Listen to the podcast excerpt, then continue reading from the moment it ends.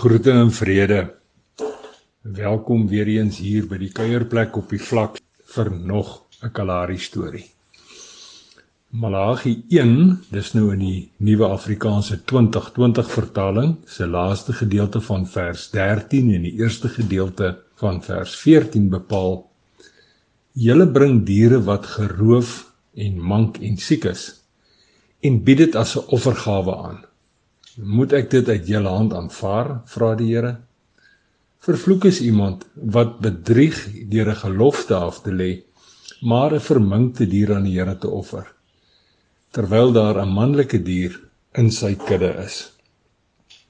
Vanmiddag se storie se naam: 'n slagding vir hom. 'n Sagte uitdrukking het in sy swart-bruin kykersadres gemaak met die aanhoor van 'n kosbare voorwêreldvriend se plan om vir ons hele gemeenskap hier op Nonipit te ete voor te berei. Vir die hele Nonipit, vir almal van ons, het hy verbaas gevra terwyl ons in die koelte van 'n apiesdoring vir die son wegkruip. Maar dan pastoor goed, het hy langsam gesê: "Dalk moet ek maar help Die broeksakke van pastoor se voorwêreld vriend is sekerlik nie diep genoeg om almal kos te gee nie. Miskien moet ek maar sy hand vat en help met 'n slagting. Die heel beste slagting wat ek het, want ek gee dit mos eintlik vir die Here. Met hierdie woorde maak hy die saak toe. Om verder hieroor woorde uit te ruil sal waarlik nie veel help nie. Jy sien, as hierdie Karahari boerling sy besluit gemaak het, staan daardie saak so vas soos 'n diep geankerde hoekpaal.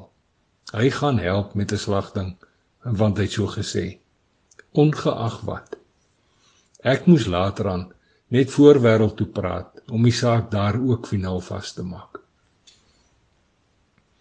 En daar was so 'n sewetal skaap in 'n lendelamkraaltjie toe ons met die voorwêreld vriend se voertuig daar aankom.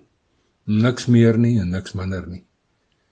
My Kalahari vriend beduie met 'n lang arm en 'n breë bors dat hierdie sewetal skaap die som totaal van sy boerdery is. Al sy diere is reeds gistermiddag op skraal gesit want hy wil persoonlik self God se slagting kom uitsoek. En nou keurig, sonder haas en sonder spoed, word elkeen van die sewetal skaap met die oë gemeet en geweeg. En iewers in die laatmiddag het hy sy besluit geneem en die hamel word agter op die bakkie gelaai. My Kalahari vriend het gekies. Hy het sy heel beste gekies.